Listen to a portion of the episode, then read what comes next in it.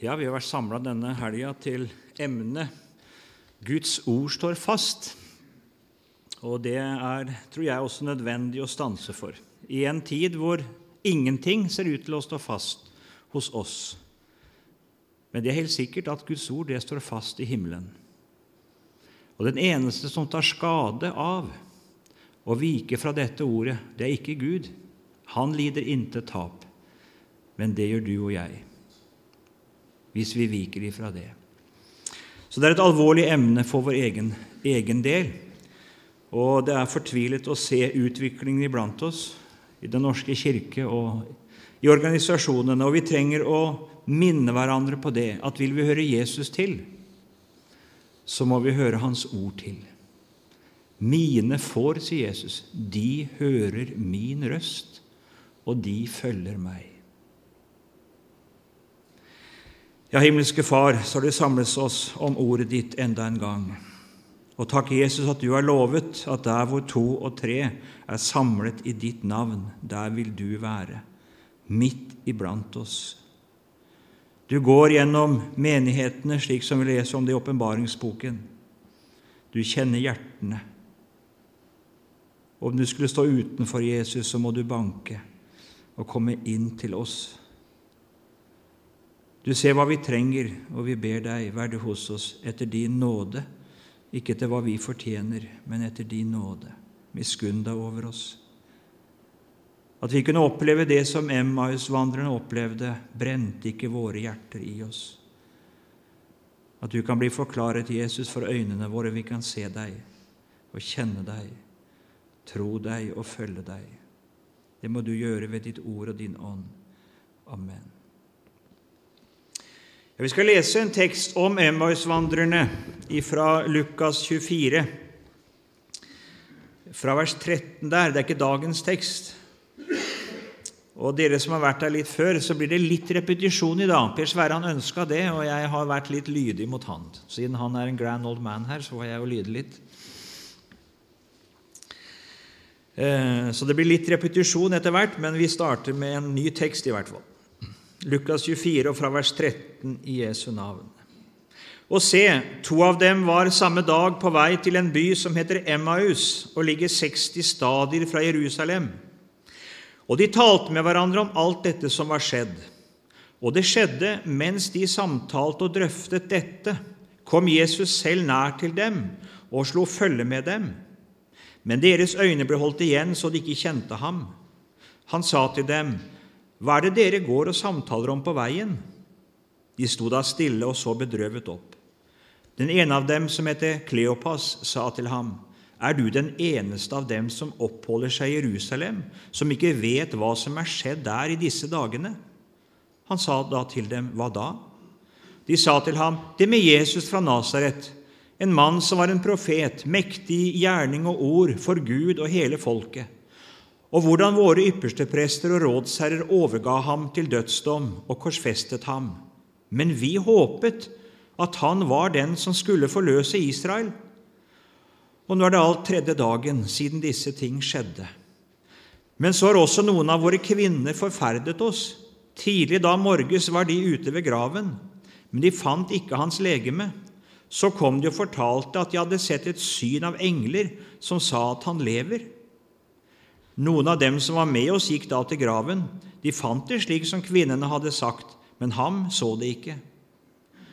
Da sa han til dem, så uforstandige dere er, og så trege i hjertet til å tro alt det som profetene har talt. Måtte ikke Messias lide dette og så gå inn til sin herlighet? Og han begynte fra Moses og fra alle profetene og utla for dem i alle skriftene det som er skrevet om ham. Vi kan stanse der. Vi møtte altså her to disipler på vei fra Jerusalem til Emmaus. Det tar noen timer å gå den biten der, i hvert fall et par. Og de talte med hverandre om det som hadde skjedd i Jerusalem de siste dagene, om Jesu lidelse og død. Og de forsto ikke det som hadde skjedd. De var motløse, hadde mista håpet. Og så får de erfare et løfte som Jesus hadde gitt dem, og som de ikke tenkte på. At når de går og samtaler der om Han, så kommer Han selv, som Han har lovet, og er midt iblant dem og åpner Skriftene for dem. Jeg så bare starte med det. Glem ikke det løftet, slik at du forsømmer ordet, forsømmer samlingene om Guds ord. Der har Jesus lovet at der vil jeg være. Ikke forsøm det. Det var én som vi kan lese om i evangeliet, som ikke var til stede sammen med de andre. Det var Thomas. Og Vi ser at han kom i en ytterst farlig situasjon, for han fikk ikke se Jesus. Og så kommer vantroen og fornuften inn. Og Får jeg ikke, sier han, stikke fingrene, ikke sant, så vil jeg ikke tro. Han sier ikke at så kan jeg ikke tro, men jeg vil ikke. Det er vantroen. Nei, Vær der hvor Guds ord blir forkynt, så Jesus lovet, der vil jeg være. Der vil jeg være. Det var Peters redning midt i hans fornektelse. I yppersteprestens gård. Han ville være der hvor Jesus var. Tross alt så ville han det. Og så fikk han et blikk ifra Jesus.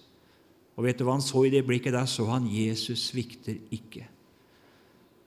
Jeg har sviktet, men han svikter ikke meg. Så vær der hvor Jesus er. Og det er der hvor hans venner samler seg om hans ord. Der er han. Men disse disiplene altså, de hadde mistet motet. Vi håpet, sa de. De hadde sine forventninger til Jesus. De hadde tenkt seg ut hvordan han skulle frelse dem. Til en viss grad så var det noen forventninger de hadde fra Det gamle testamentet, men de hadde på mange måter lagt til sin egen tankegang hvordan de hadde forventet det skulle bli, og så gikk det ikke slik. Nei, det gikk ikke slik. Og så er de så inderlig skuffet. Vi håpet han var den som skulle forløse Israel, men det gikk ikke slik. Og så sier Jesus så uforstandige dere er, og så trege i hjertet til å tro det som profetene har talt. Det er veldig underlig. Disse har helt åpenbart vært sammen med Jesus, og de har hørt Jesus tale om at han skal til Jerusalem, han skal lide og dø, og han skal stå opp igjen den tredje dag. Det har han talt om flere ganger. Men Jesus sier ikke til dem, 'Hvorfor trodde dere ikke mine ord?' Nei, han sier ikke det. Han holder seg skjult for dem. Og Så peker han på Det gamle testamentet og så sier han det, så trege dere er til å forstå det som profeten har sagt, det som Moses og profeten har sagt. Det irettesetter han dem for. Dere har ikke gitt akt på Skriften, sier han, Det gamle testamentet, og derfor er dere håpløse, motløse. Dere forstår ikke det som er talt. Og det er et ord til oss. Absolutt et ord til oss i vår tid. For vi lever i en tid som ikke har noe særlig annet enn forakt til overs for Det gamle testamentet. Disse hadde ikke det, og likevel så anklages de for å ikke akte på ordet Det gamle testamentet. Mange som bekjenner seg som kristne i dag, de har lagt Det gamle testamentet bort og tenker at det er noe gammelt, forganget, som vi er ferdig med. For nå har Jesus kommet, og med noe helt nytt og så har vi liksom møtt virkelig sannheten, og så er dette avleggs. Sånn ser du, sånn taler ikke Jesus. Han viser ikke til sine ord og til sitt budskap og til sin lære og sier at nå må dere forstå det at dere henger fast i noe gammelt, men se her, her kommer jeg. Nei, sier han. Dere forstår ikke, og dere tror ikke på meg fordi dere ikke forstår og tror Det gamle testamentet. Dere er så trege i hjertet til å tro det som står der. Sånn taler Jesus, og sånn taler hans apostler. Ikke bare ett sted. Hvis du først begynner å legge merke til det, så er det en hovedsak i det de sier, gang etter gang etter gang. De understreker det med tyngde. Og sannheten er den at det er umulig å forstå hvem Jesus er. Umulig å forstå hans frelsesgjerning for oss uten gjennom lys ifra Det gamle testamentet.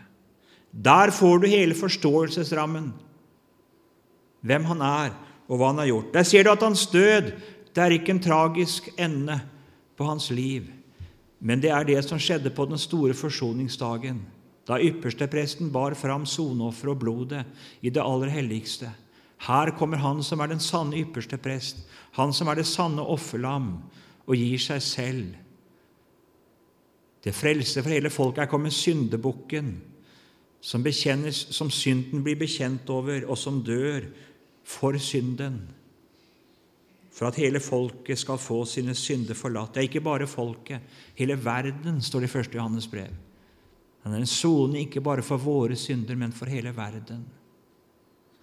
Og Apostelen han sier det til sin unge venn og medarbeider Timotius, som har vokst opp i et troende hjem. Og så sier han til ham, helt fra barndommen av kjenner du de hellige skrifter. Og vi vet hva det var. Det var Moses og profetene og salmene. Du kjenner dem, som kan gjøre deg vis til frelse ved troen på Kristus Jesus. Og Nå taler Jesus altså ikke om evangelien og Paulus sine brev. Han taler om Det gamle testamentet. Kan gjøre vis til frelse ved troen på Kristus Jesus. Og Vi stanset for det på fredagskvelden fra Matteus 5 og vers 39, hvor Jesus går i rette med fariseerne og sier det til dem, at dere gransker Skriften, ikke sant? Dere tror at dere har evig liv i dem, og det er rekt. Det er helt sant. Men disse er det som vitner om meg. Men hvis ikke dere vil tro Moses, hvordan kan dere da tro meg? Han snur, snur liksom på hodet Jesus ut fra vår tankegang. Og så setter han Moses sine skrifter foran seg og sier det. Hvis dere ikke vil tro på dem, hvordan skal dere tro på meg? Hvordan kan det være mulig at dere på, kan tro på meg da? Og Det er et ord til oss. Hvis ikke vi vil tro på Moses sine skrifter, de fem Mosebøkene, hvis ikke vi vil tro på profetene, hvordan kan vi tro på Jesus? Mange tenker motsatt. 'Å nei, dette med Gammeltestamentet det er så gammelt, det er så mye der som er vanskelig.' det, det. Men Jesus vil jeg tro på. Nei, sier Jesus. Hvis ikke du tror det, hvordan kan du tro på meg? Hvordan kan du tro på meg? Å avvise Moses og profetene, det er å avvise Jesus selv. Det er det. Så alvorlig er det. Og Sånn taler hele Det nye testamentet. Paulus han er i Cesarea, sitter i fangenskap der, har innanket saken sin for keiseren. Og så kommer Agrippa, og så holder han sin forsvarstale. Og så sier han da, 'Jeg forkynner', sier han, 'ikke noe annet enn det som Moses og profeten har talt'. Ingenting nytt, sier han. Vi kan slå det opp. Apostlenes gjerne kapittel 26, og fra vers 22. Så har jeg da fått hjelp av Gud og står til denne dag og vitner både for liten og stor. Og jeg sier ikke noe annet enn det profetene og Moses har sagt skulle skje. At Messias skulle lide, og at han som den første av de dødes oppstandelse skulle forkynne lys for folket og for hedningene. Jeg forkynner dere ikke noe annet. Sånn tenker Det nye testamentet. Det kommer ikke med noe nytt. Nå er det noe nytt budskap. Nå kommer Jesus, og så er det ferdig med dette gamle, med Moses. Nei, intet utover det som er skrevet. Intet utover det. Alt det Jesus og apostlene sier Vi ser det i Matteus 5, ikke sant? som vi nevnte tidligere. Altså ikke en tøddel skal forgå. Før det er skjedd alt sammen, hørte vi til åpning. Jeg er ikke kommet for å oppheve, sier Jesus. Ikke sette det til side, men for å oppfylle det oppfylle det. Det som det er skrevet om, det er jeg kommet for å gjøre. Det er en forskrift for meg, sier Jesus i Salme 40. En forskrift for meg som jeg skal gjøre. Og så forstår vi det at troen på Jesus det er nøye forbundet med troen på Det gamle testamentets skrifter. Det lar seg ikke gjøre å tro på Han uten at det er ett og det samme som å tro på Det gamle testamentet. Og tro det at de taler om ham. Her i teksten vår så ser vi det at Jesus han underviser sine disipler mellom sin oppstandelse og himmelfart. Og han gjør det igjen og igjen og igjen. Det er noe av det viktigste for han i denne perioden. Det er ikke å minne dem på det han har sagt de tre årene han har vært sammen med dem. Men det han bruker tiden på nå, det er å vise dem at det han har gjort, det er det som står skrevet i Det gamle testamentet. Og han begynte fra Moses og gikk gjennom alle profetene og i alle skriftene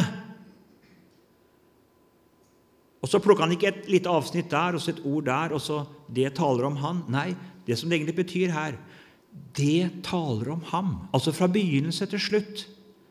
Alt sammen. Det er egentlig han det dreier seg om. Tar du for deg Mosebøkene? Hvem handler det om? Det handler om meg, sier Jesus. Det er meg. Jeg er den kvinnens ett som Gud taler om på syndefallets dag. Jeg er det, den som kler mennesket Gud ofrer på den første dag og kler menneskene. Det er meg som kan kle mennesket og skjule dets nakenhet. Det er meg som måtte gi livet mitt. Det er jeg som er der, som Abel ofrer og tenker på. Det er meg. Jeg er den Abrahams sønn som Gud ikke sparte, som hans far ikke sparte, men ga for oss alle. Det er meg. Jeg er påskelammet. Det er meg Og så videre, og så videre, og så videre. Det er meg. Vi kan undre oss når vi leser Gammeltestamentet. Det er så mange merkelige ordninger, det er så mange, det er så mange symboler, det er så mange handlinger. Kunne ikke Gud bare hentet Israelsfolket ut av Egypt, bare tatt dem ut med sin kraft? ikke sant? Nei, det skal skje en bestemt måte. De skal ta et lam, stille det for seg sjøl, et helt feilfritt lam slakte det, ta blod og stryke, spise det sånn og sånn og sånn. Hvorfor gir Gud sånne forskrifter? Fordi det ikke er en gjerning de skal gjøre, men fordi det er forkynnelse av stedfortrederen. Og Så går det igjennom, og så stiller Jesus her Hvis, hadde, hvis vi hadde hatt han foran oss og så spurt han, hva handler Mosebøkene om? Hva handler det og det profetskriftet om? Hva handler Jobbs bok om? Hva handler Ruths bok om? Hva handler det om? Jonah-boken, hva handler det om? Så sier Jesus, 'Det handler om meg'. Det er skrevet om meg, sier Jesus.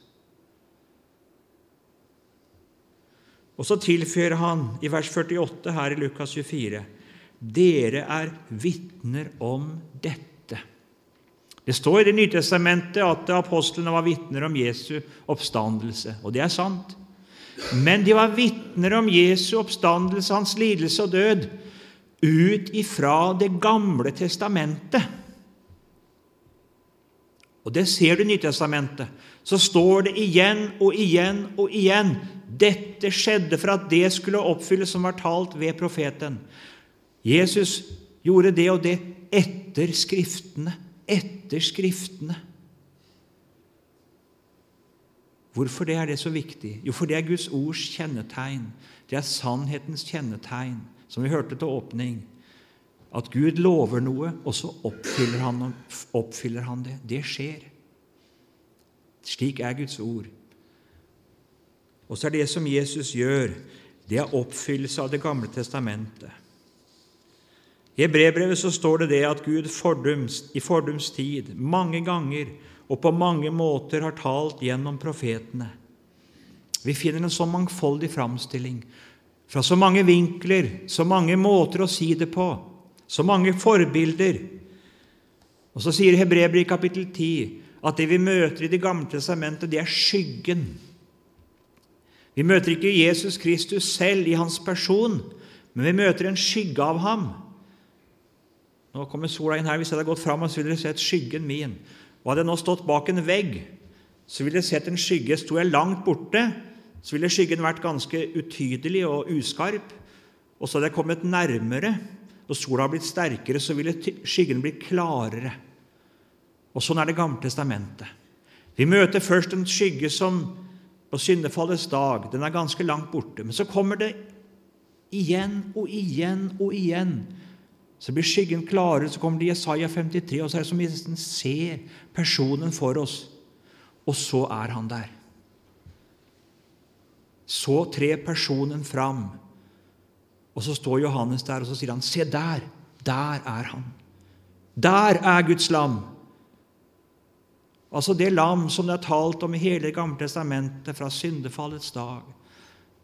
I Abels offer, i Abrahams offer, i gudstjenestens offer osv. Der er det. Påskelammet, der er det. Det Guds lam som bærer verdens synd. Nå er skyggen.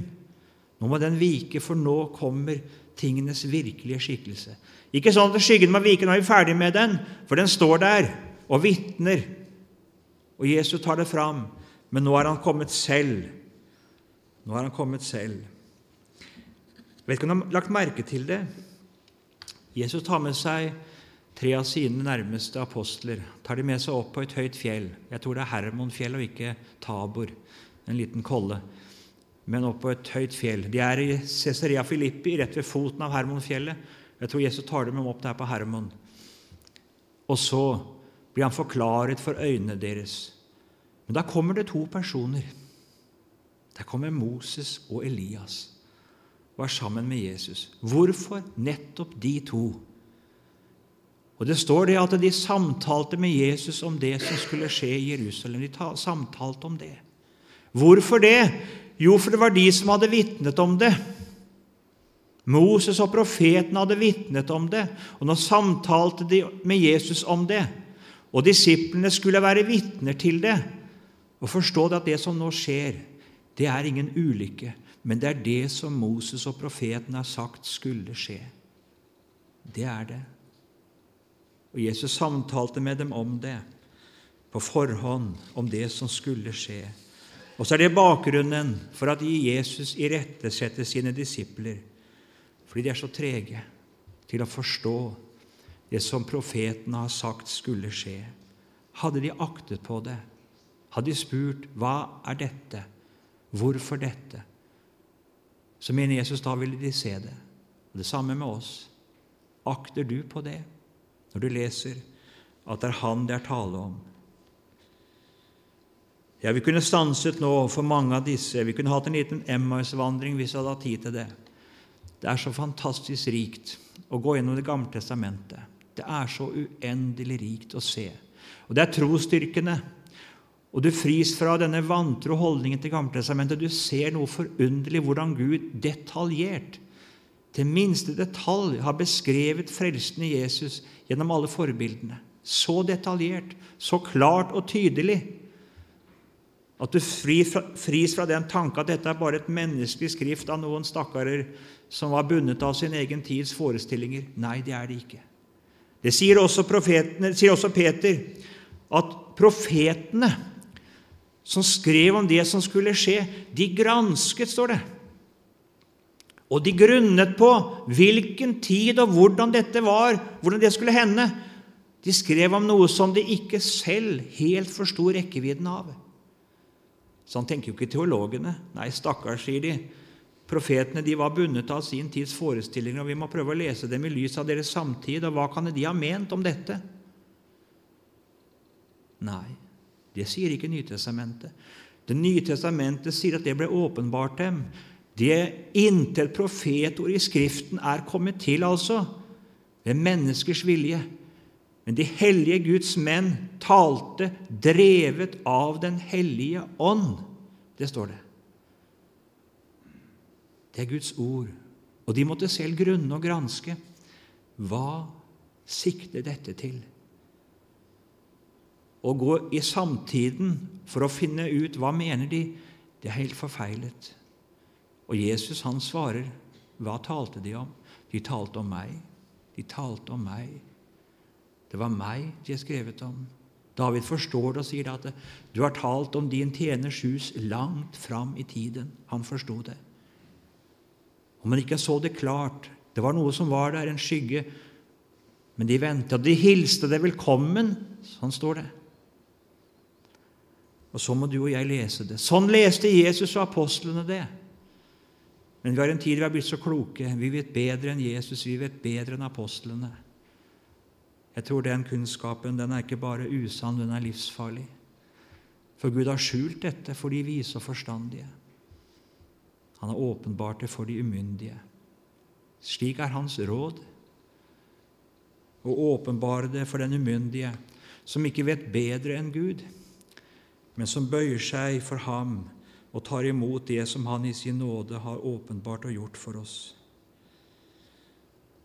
Og Litt til slutt om dette. Når Jesus og apostlene eh, taler om Skriften, så er det bare å si det for dem. Og det skulle være slik for oss. Det står skrevet. Har de ikke lest Sånn sier Jesus. Har de ikke lest dette? Han sier det til sadukerene som, som eh, var ganske liberale i sitt syn. De trodde ikke det var noen oppstandelse, de trodde ikke på et liv etter døden, ikke noe engler eller ånd. Har dere ikke lest, sier Jesus, at Gud han er Abrahams, Isaks og Jakobs Gud? Han er ikke de dødes Gud, men de levendes. Og så er saken avgjort. For det står skrevet. Det er slik Guds ord taler, og det er ikke å diskutere. For Guds ord det kan ikke gjøres ugyldig. Sånn forholder Jesus seg til Det gamle testamentet. Det står skrevet, og så er det avgjort. Det er det autoritative ord som gjelder framfor enhver menneskelig mening og tankegang og følelse. Og husk hvem som sier det. Det er Han som er Gud, han som ble menneske og tok bolig blant oss, men som er Gud ifra evighet av, Guds egen sønn. Han som er Guds eget ords opphavsmann og fullender. Det er han som sier det. Og vil du ikke tro Han, som du en dag skal stå for, hvem vil du da tro? Det er jo fantastisk hvile, det er det ikke det? Å tro på Han som jeg en dag skal stå for. Han som en dag skal, som er Gud, er innsatt til dommer og så tro på Han. Og så legge mitt liv i Hans hånd og stole på det Han har sagt. Det er fantastisk hvile. Fantastisk. Det er Han som bærer ansvaret, Han som ikke kan lyve, som vi hørte til åpning, som ikke lar det eneste av sitt ord falle til jorden, men som oppfyller det. Jeg skal få hvile i Hans autoritet. Jeg skal få lov til å sette meg på Hans fang og stole på det Han har sagt og gjort. Hvile i det. Istedenfor å være så selvklok og tenke det at 'jeg vet bedre'. Dere vet Jobb han prøvde å gå litt i rette med Gud, han forsto han ikke. Og så tar Gud Jobb og så tar han og begynner å tale med han om skapelsen. Han taler med ham om, om naturen, om dyrelivet. Og så er det som han sier til Jobb, du Jobb, du forstår ikke alt dette. Hvor var du enn da jeg skapte jorden? Si det du hvis du vet det, så mye bedre enn meg. Kom igjen med det. Du, dyrene i, i, Jeg følger med, sier Gud. Jeg vet når steingjetene skal føde. Jeg teller månedene til de skal bære. Jager du rov for, for levinnen? Gjør du det? Tenker du på det? Hører du ravnungene som skriker? Fæle skrik, ikke sant? Jeg hører og vet at ravnungene trenger mat. Jeg følger med, sier Gud. Og så kommer det, eller det er tankegangen Jobb, tror du ikke at jeg vet hvordan du har det? Tror du ikke at jeg bryr meg om deg, jeg som følger med på alt dette? Er du så mye klokere enn meg, som vet bedre og vil gå i rette med meg? Og så sier jeg, å, jeg tar tilbake, sier han, i støv og aske, det jeg har sagt. Han forstår Gud, du vet. Vi synger en sang 'Du vet deg, mitt barn, hva jeg gjør her på jord'. Men du skal forstå det en gang. Men det kan vi vite, at han som sier, han som taler i Skriften, han vet. Han kjenner alle ting. Han har oversikten. Og så skal jeg få lov til ikke å protestere og gjøre opprør og si at 'nei, dette tror jeg ikke', 'nei, jeg tror det er sånn eller sånn'. Nei. Jeg skal få sette min vei i Hans hånd og stole på Han. At Han vet. Og at Han har fredstanker med meg. Ikke tanker til ulykke, men vi gir framtid og håp. Han vil jeg skal stole på Han og hvile i Hans løfter og ord, og vite at det bærer. Om himmel og jord forgår, så skal det ordet ikke forgå. Det bærer. Til slutt så skal jeg stanse med det som vi slutta med på fredag, bare gjenta det. Israelsfolket De syns det er vanskelig ute i ørkenen. Moses åpenbarer Gud for dem. Han taler til dem gjennom Moses, og de syns det er forferdelig. De syns Gud er så skremmende. De syns han er så fjern, og han stemmer ikke overens, slik de har møtt han på Sinai, med sånn som det var i deres religiøse følelse. De syns dette ble så veldig og vanskelig. Nei, så ikke, ikke la Gud tale mer til oss. Det er noe sant i det, fordi at det, i den forstand for Gud sier det at de taler vel i det de sier der. For det er noe sant i det, for Gud har også vil åpenbare sin frelse. Nå fikk de si han i hans hellighet. Og allikevel, de tar helt åpenbart anstøt av at Gud er slik som han er. Og så blir Moses borte ikke sant, på fjellet i 40 dager. Og så sier de til Aron, 'Du, Aron, kan ikke du hjelpe oss med dette? Kan ikke du gjøre oss en gud for oss?' Tanken var ikke det å falle fra Gud, men tanken var lag en Gud som på en måte mer er i overensstemmelse med hvordan vi føler, og hvordan vi tenker, og hva vi kjenner, hva som vi synes. Er det ikke sånn i dag? Det moderne mennesket reagerer på Skriftens Gud, slik han taler om synd, slik han taler om helvete. Det er Jesus som taler om det. Det er ingen som taler så mye om det som Jesus. Nei, det passer ikke med menneskets religiøse følelse. Gud, dette, den Gud som de har tenkt seg, han er da ikke slik. Og så tenker man det at nei, den Bibelens Gud han kan verken være god eller moralsk. Passer ikke med vår moral, med vår tanke om rett og galt, med vår tanke om hva som er kjærlig, og hva som er godt. Det passer ikke helt. Og så ser man for seg Gud, han er slik og slik og slik. Akkurat som var det Israelsfolket gjorde. Og Når Aron da støper en kalv for dem, så er det en Gud som de på en måte kan fylle med sine egne tanker. En som er mer i overensstemmelse med slik de har tenkt han. En de kan leke og danse og spise og ete og feste foran, for det har de lyst til. Det passer for dem. En slik Gud vil de ha. Og så får de Aron til å støpe denne kalven. Og legg merke til det. Aron må gjøre det. Mennesker vil ha en legitimitet. De vil at den gudsdyrkelse de har, den skal være legitim.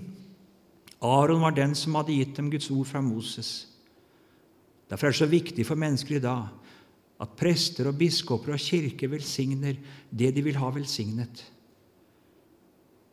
Som Gud sier er synd. Hvorfor det? Jo, de vil ha legitimitet.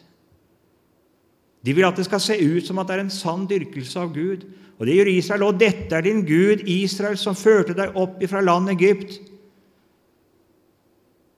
Vi tror på Gud. Vi forholder oss til Gud. Vi har forandret han litt. Han er litt mer i pakt med hva vi tenker. Men det er ikke frafall. Nei, de tenker det at dette er den Gud som førte dem opp. Gud anerkjenner det ikke. Han anerkjenner det ikke. Og det er det alvorlige. Du skal en dag stå for Gud.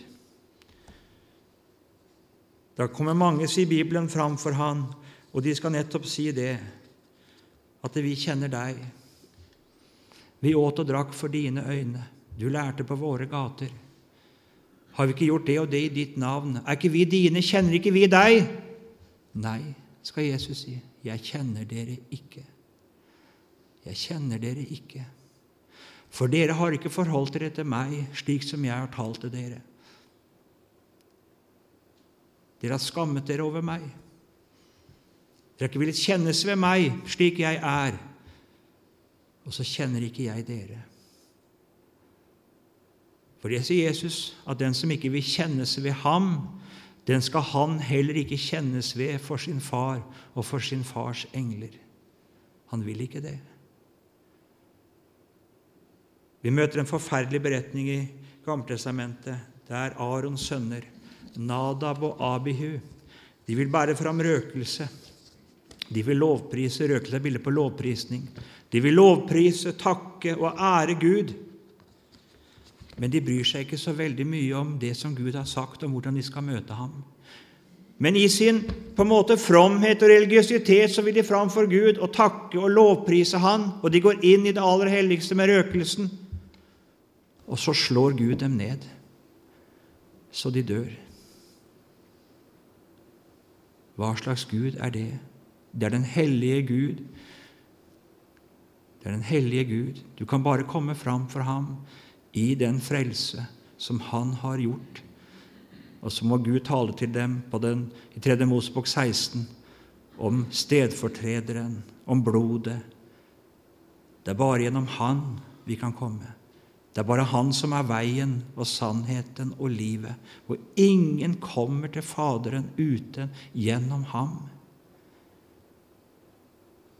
Gud er Gud. Han har gjort alt til vår frelse, men du må gå den veien. Du må gå gjennom Han som Han har valgt og utvalgt til frelse. Du kan ikke gjøre som du vil og tenke deg at Gud i sin store barmhjertighet Han er ikke så nøye på det. Jo, han er så nøye. Ikke uten blod, ikke uten blod, ikke uten Hans Sønn. Og kjenner du Han? Ja, sier Jesus, det er det evige liv, det er å kjenne Han, den eneste sanne Gud, og Ham du utsendte, Jesus Kristus. Det er det evige liv. Kjenner du Ham? Han kjenner du her. Ikke noe annet sted. Ikke din tanke, ikke din formening, men du må leve med ham her. Mine får, sier Jesus, de hører meg. De hører meg, de hører min røst, og de følger meg. Ja, kjære Jesus, takker deg for ordet ditt.